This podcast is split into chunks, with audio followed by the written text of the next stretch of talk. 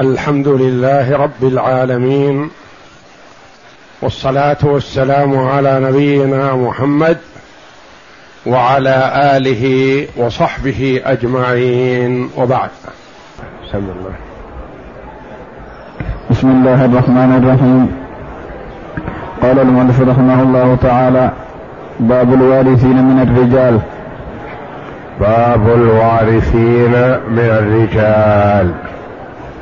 الوارثون لا يخلو إما ذكور وإما إناث. فالوارثون من الذكور محصورون والوارثات من النساء محصورات كذلك بينات.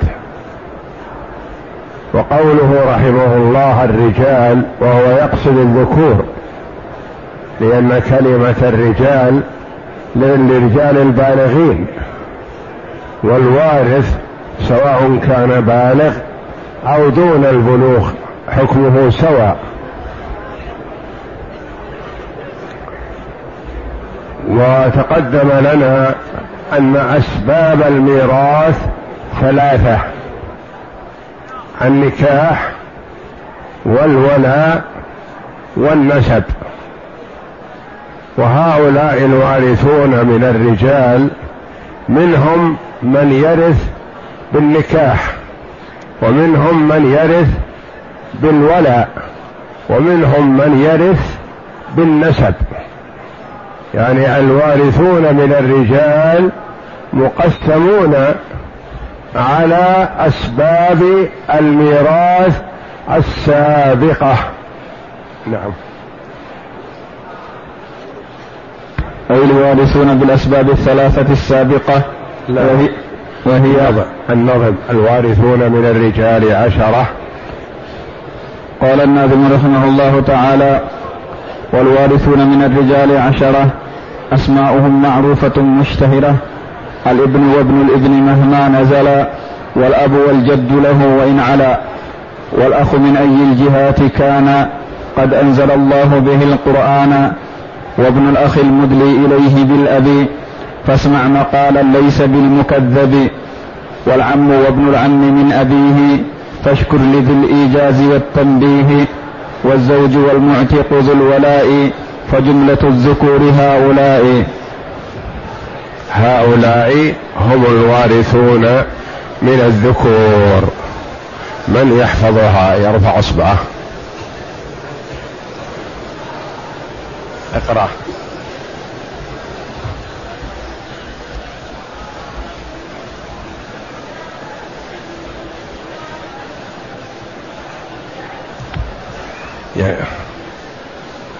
كمل.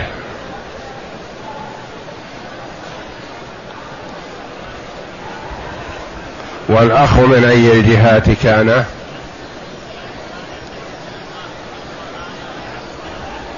لا وابن الأخ لا تسرع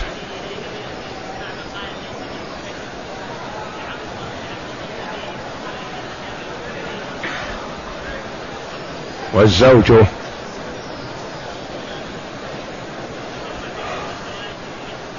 كمل. والزوج والمعتق ذو الولاء فجملة الذكور هؤلاء يحسن عفها سهل حفظها وهي قواعد تبقى مع الإنسان بإذن الله. ما دام حيا إذا حفظ النظم يبقى معه وإذا لم يحفظ ينسى بعضهم. لكن إذا أراد استذكار الوارثين من الرجال قرأ هذا النظم فعرفهم لأنه نظم واضح ولا لغز فيه ولا إيجاز مخل ولا بسط ممل وإنما هي بين بين فهي مفيدة لطالب العلم.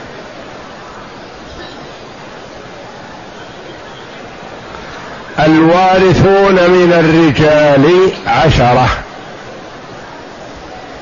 يعني على سبيل الاختصار عشرة.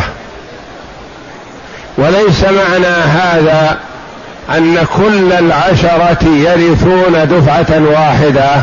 لا. وإنما هم عشرة يعني عشر جهات أو عشرة أفراد. أفراد وقد يدخل تحت الفرد الواحد مجموعة. أسماءهم معروفة يعني بيانهم ومعرفة معروفة. عند أهل الفرائض لا عند الناس كلهم. مشتهرة يعني واضحة جلية لا لبس فيها. ثم أخذ في تعدادهم رحمه الله. فقال الابن وابن الإبن مهما نزلا. نزل الألف هذه للإطلاق وليست للتثنية. وليس المراد نزول الابن وابن الابن وإنما نزول ابن الابن هو اللي ممكن يكون نازل لكن الابن هو ابن الصلب. تقول إبن مثلا. ابن إبن. ابن ابن ابن. ابن ابن ابن ابن ابن وهكذا. مهما نزل ابن الإبن. وليس المراد للاثنين انهم يكونون نازلين لا لأن الأخ الابن هو هو. لكن ابن الابن مهما نزل يعني سواء كان يقول الميت جدي أو جد جدي كله واحد إذا ورث. الابن وابن الابن مهما نزل والأب والجد له والأب والجد من قبل الأب لأن الجد متعدد الأب واحد والجد جد من قبل الأب وجد من قبل الأم وجد من قبل أب الأم جد الجد وهكذا. لكن المراد الجد من جهة الأب. الجد من جهة أب الأم. أب الأم الأب. الجد من جهة أم الأب. لا ميراث له. وإنما الأب المباشر والجد بمحض الذكور. أب أو أب أب أو أب أب أب أو أب أب أب أب وهكذا.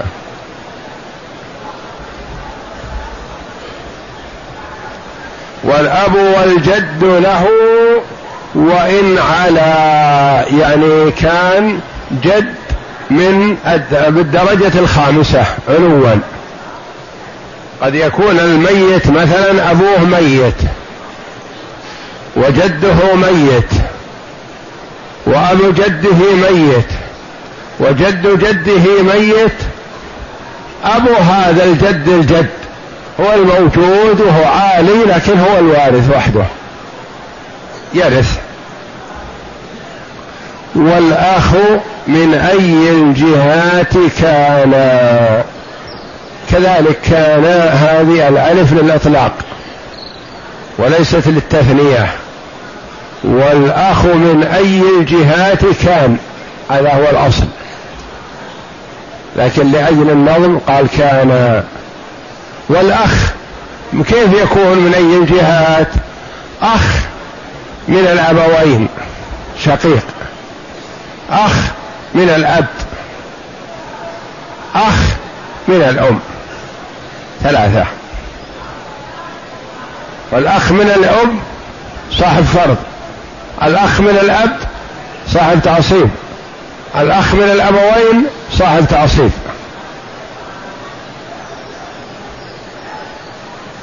قد أنزل الله فيه القرآن. يعني الإخوة.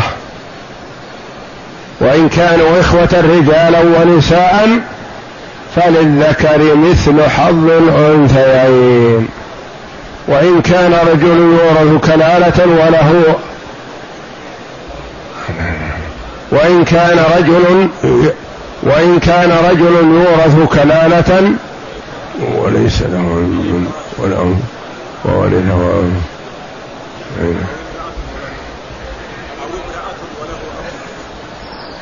وإن كانوا إخوة وإن كان رجل كلالة وليس ولا آية.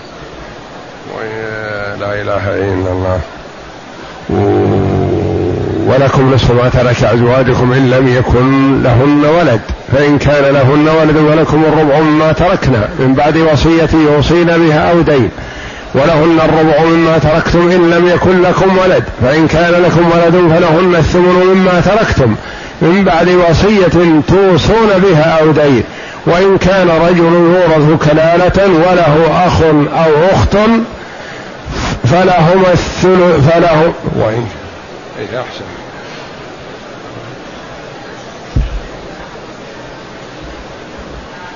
وإن كان رجل يورث كلالة أو امرأة وله أخ أو أخت فلكل واحد منهما السدس. هؤلاء في الأخ والأخت من الأم فقط.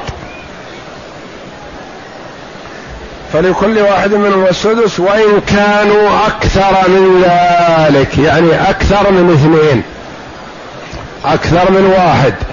فلهما الثلث فلهم الثلث مما ترك. يعني الإخوة لأم واحد له السدس اثنان لهما الثلث ثلاثة لهم الثلث أربعة لهم الثلث وذكرهم وأنثاهم سواء. هذا في الإخوة من الأم. وأما في الإخوة الأشقاء والإخوة من الأب فالآية في آخر سورة النساء يستفتونك قل الله يفتيكم في الكلالة إن امرؤ هلك ليس له ولد وله أخت فلها نصف ما ترك لأب أو شقيقة. فلها نصف ما ترك وهو يرثها إن لم يكن لها ولد. فإن كانت فإن كانت اثنتين فلهما فلهما الثلثان مما ترك وإن كانوا إخوة رجالا ونساء فللذكر مثل حظ الأنثيين.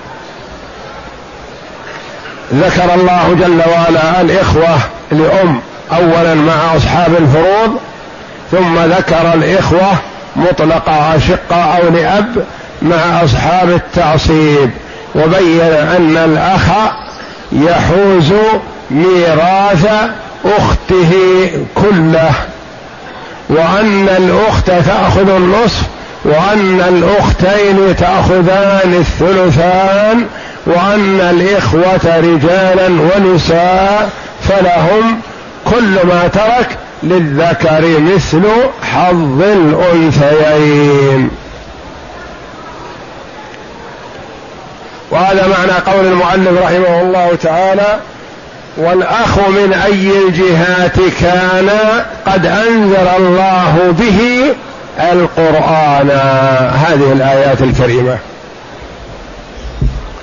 وابن الأخ المدلي إليه بالأب. انتبه. ماذا يخرج؟ قال الأخ من أي الجهات؟ ثلاث جهات.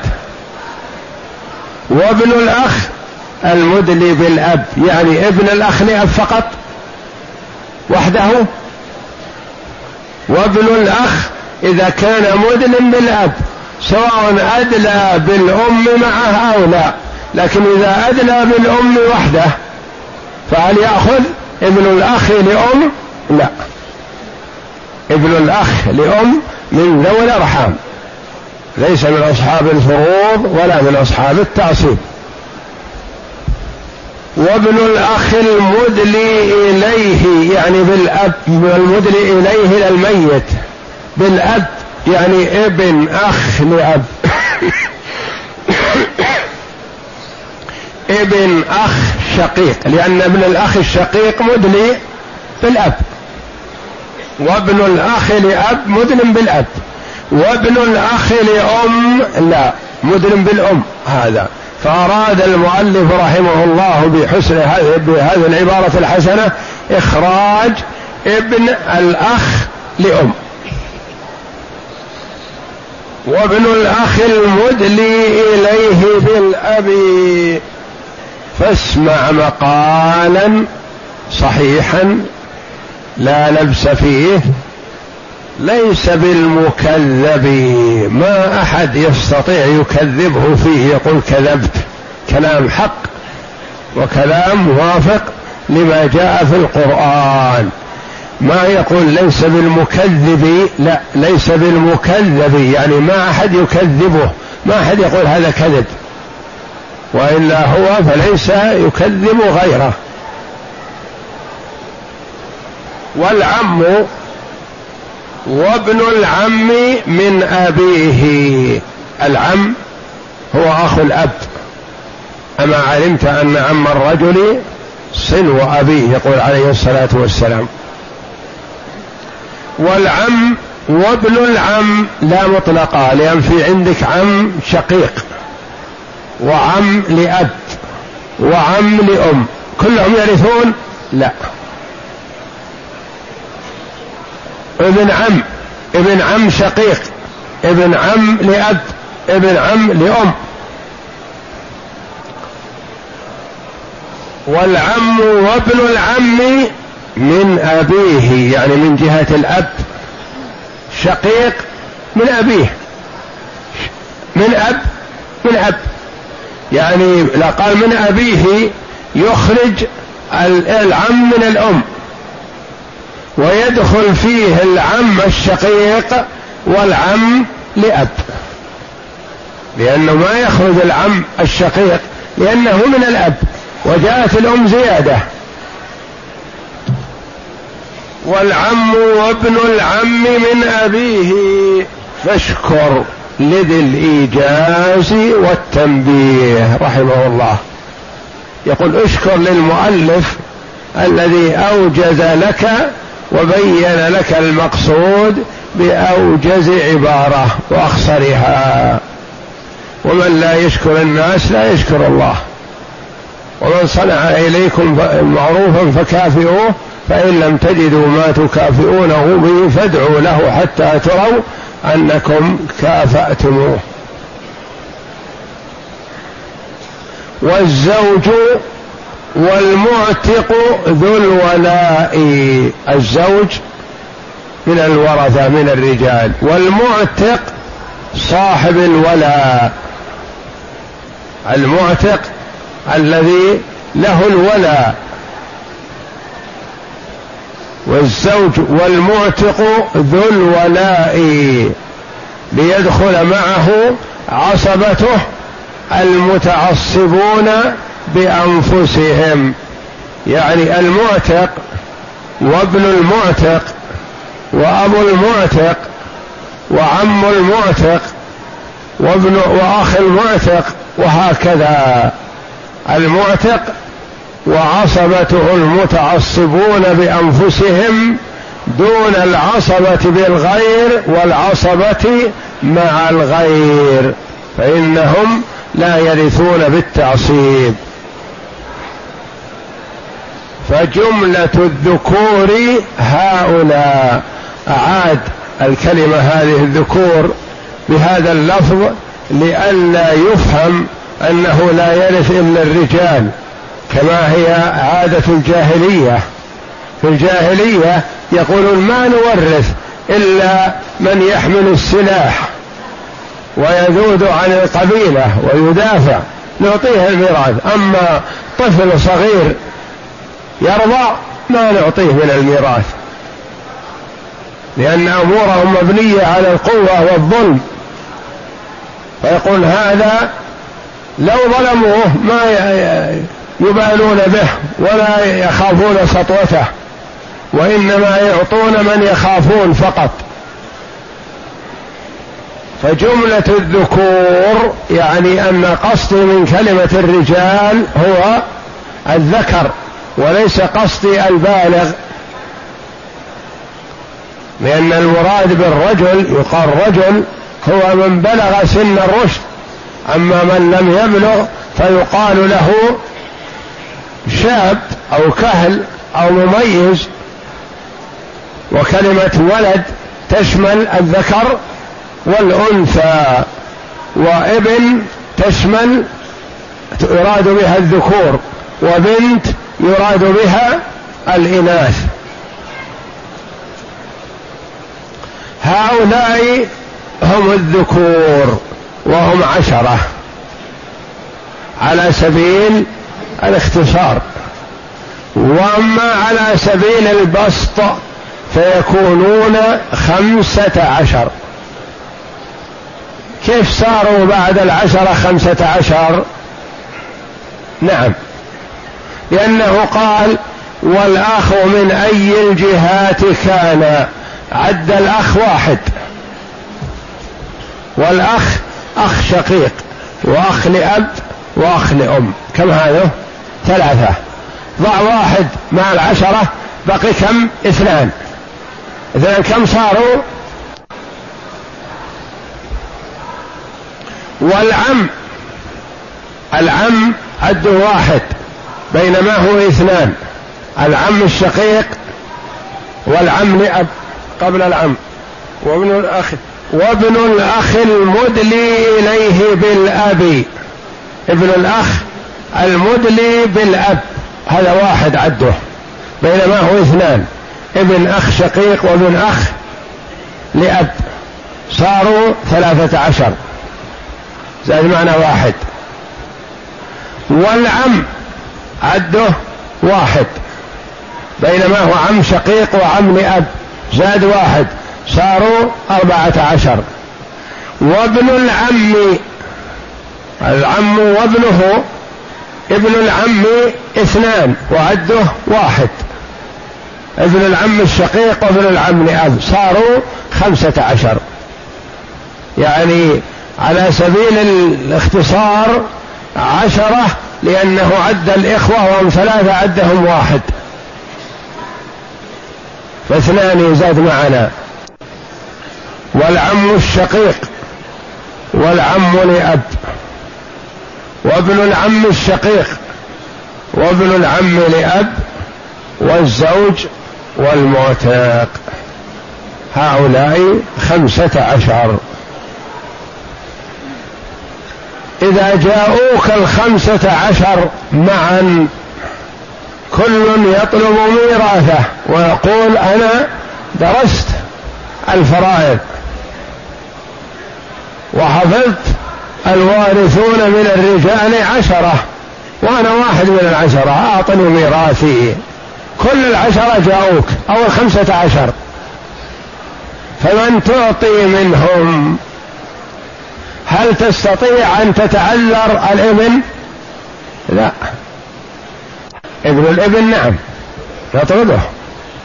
وأبناء الأعمام والزوج يأخذ نصيبه.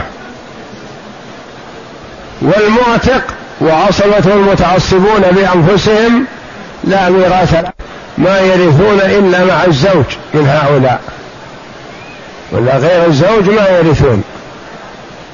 فالمعتق وعصبته يرثون مع أحد الرجال وهو الزوج. هؤلاء الوارثون من الرجال وإذا اجتمعوا فنورث منهم ثلاثة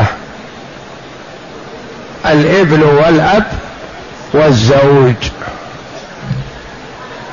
اقرأ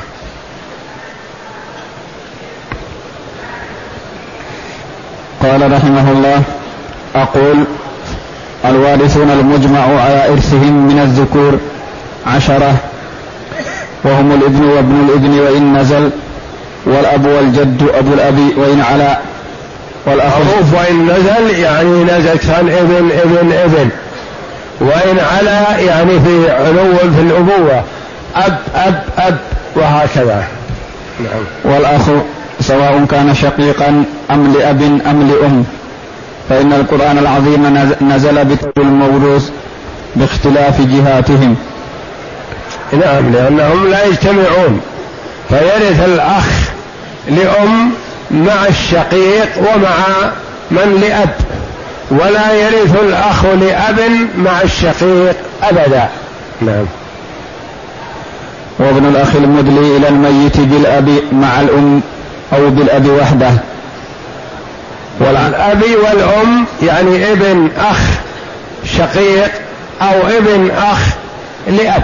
لكن إذا وجد ابن الأخ الشقيق فإنه يحجب ابن الأخ لأم لابن الأخ لأب. نعم. والعم من الأب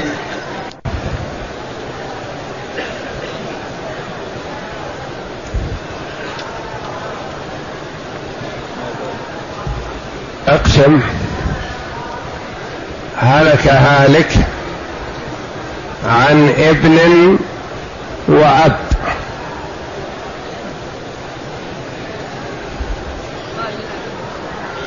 المسألة من ستة.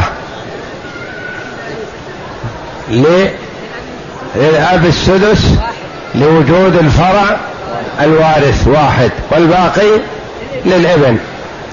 هلك هالك عن أب وجد. المال للأب. المال للأب وليس للجد شيئا. هلك هالك عن ابن ابن وأخ شقيق. المال لابن الابن وليس للأخ الشقيق شيء. لأن الجهات ستأتينا هي والأخوة والعمومة ثم الولاء فلا يشترك ما يأخذ المتأخر أو الأدنى مع المتقدم. فلا يأخذ الأخ مع الابن ولا يأخذ ابن الأخ مع الابن. ولا يأخذ ابن الأخ مع الأخ وهكذا. هلك هالك عن زوج وابن ابن عم والزوج هو ابن العم. زوج هو ابن عم وابن ابن عم. المال للزوج الذي هو ابن عم فيأخذ النصف بالزوجية ويأخذ الباقي تعصيبا. وليس لابن ابن العم شيء لأنه دونه في المرتبة. هلك هالك عن زوج هو ابن ابن عم وابن عم.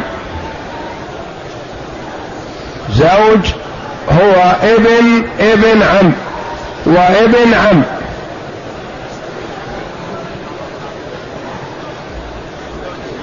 للزوج النصف واحد ولابن العم الباقي تعصيبا ولا يأخذ الزوج شيء بصفة ابن ابن عم.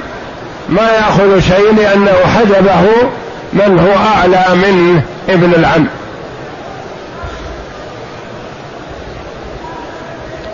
هلك هالك عن زوج وابن ابن ابن ابن عم لأب ومعتق.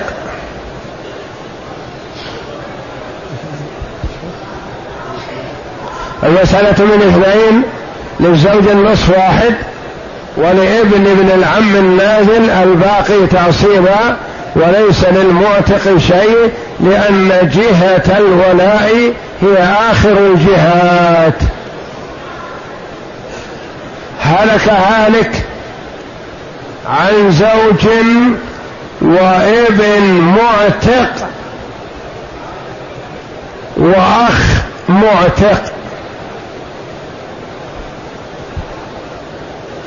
عن زوج وابن معتق وأخ معتق. المسألة من اثنين. للزوج النصف واحد والباقي لابن المعتق وليس لأخ المعتق شيء.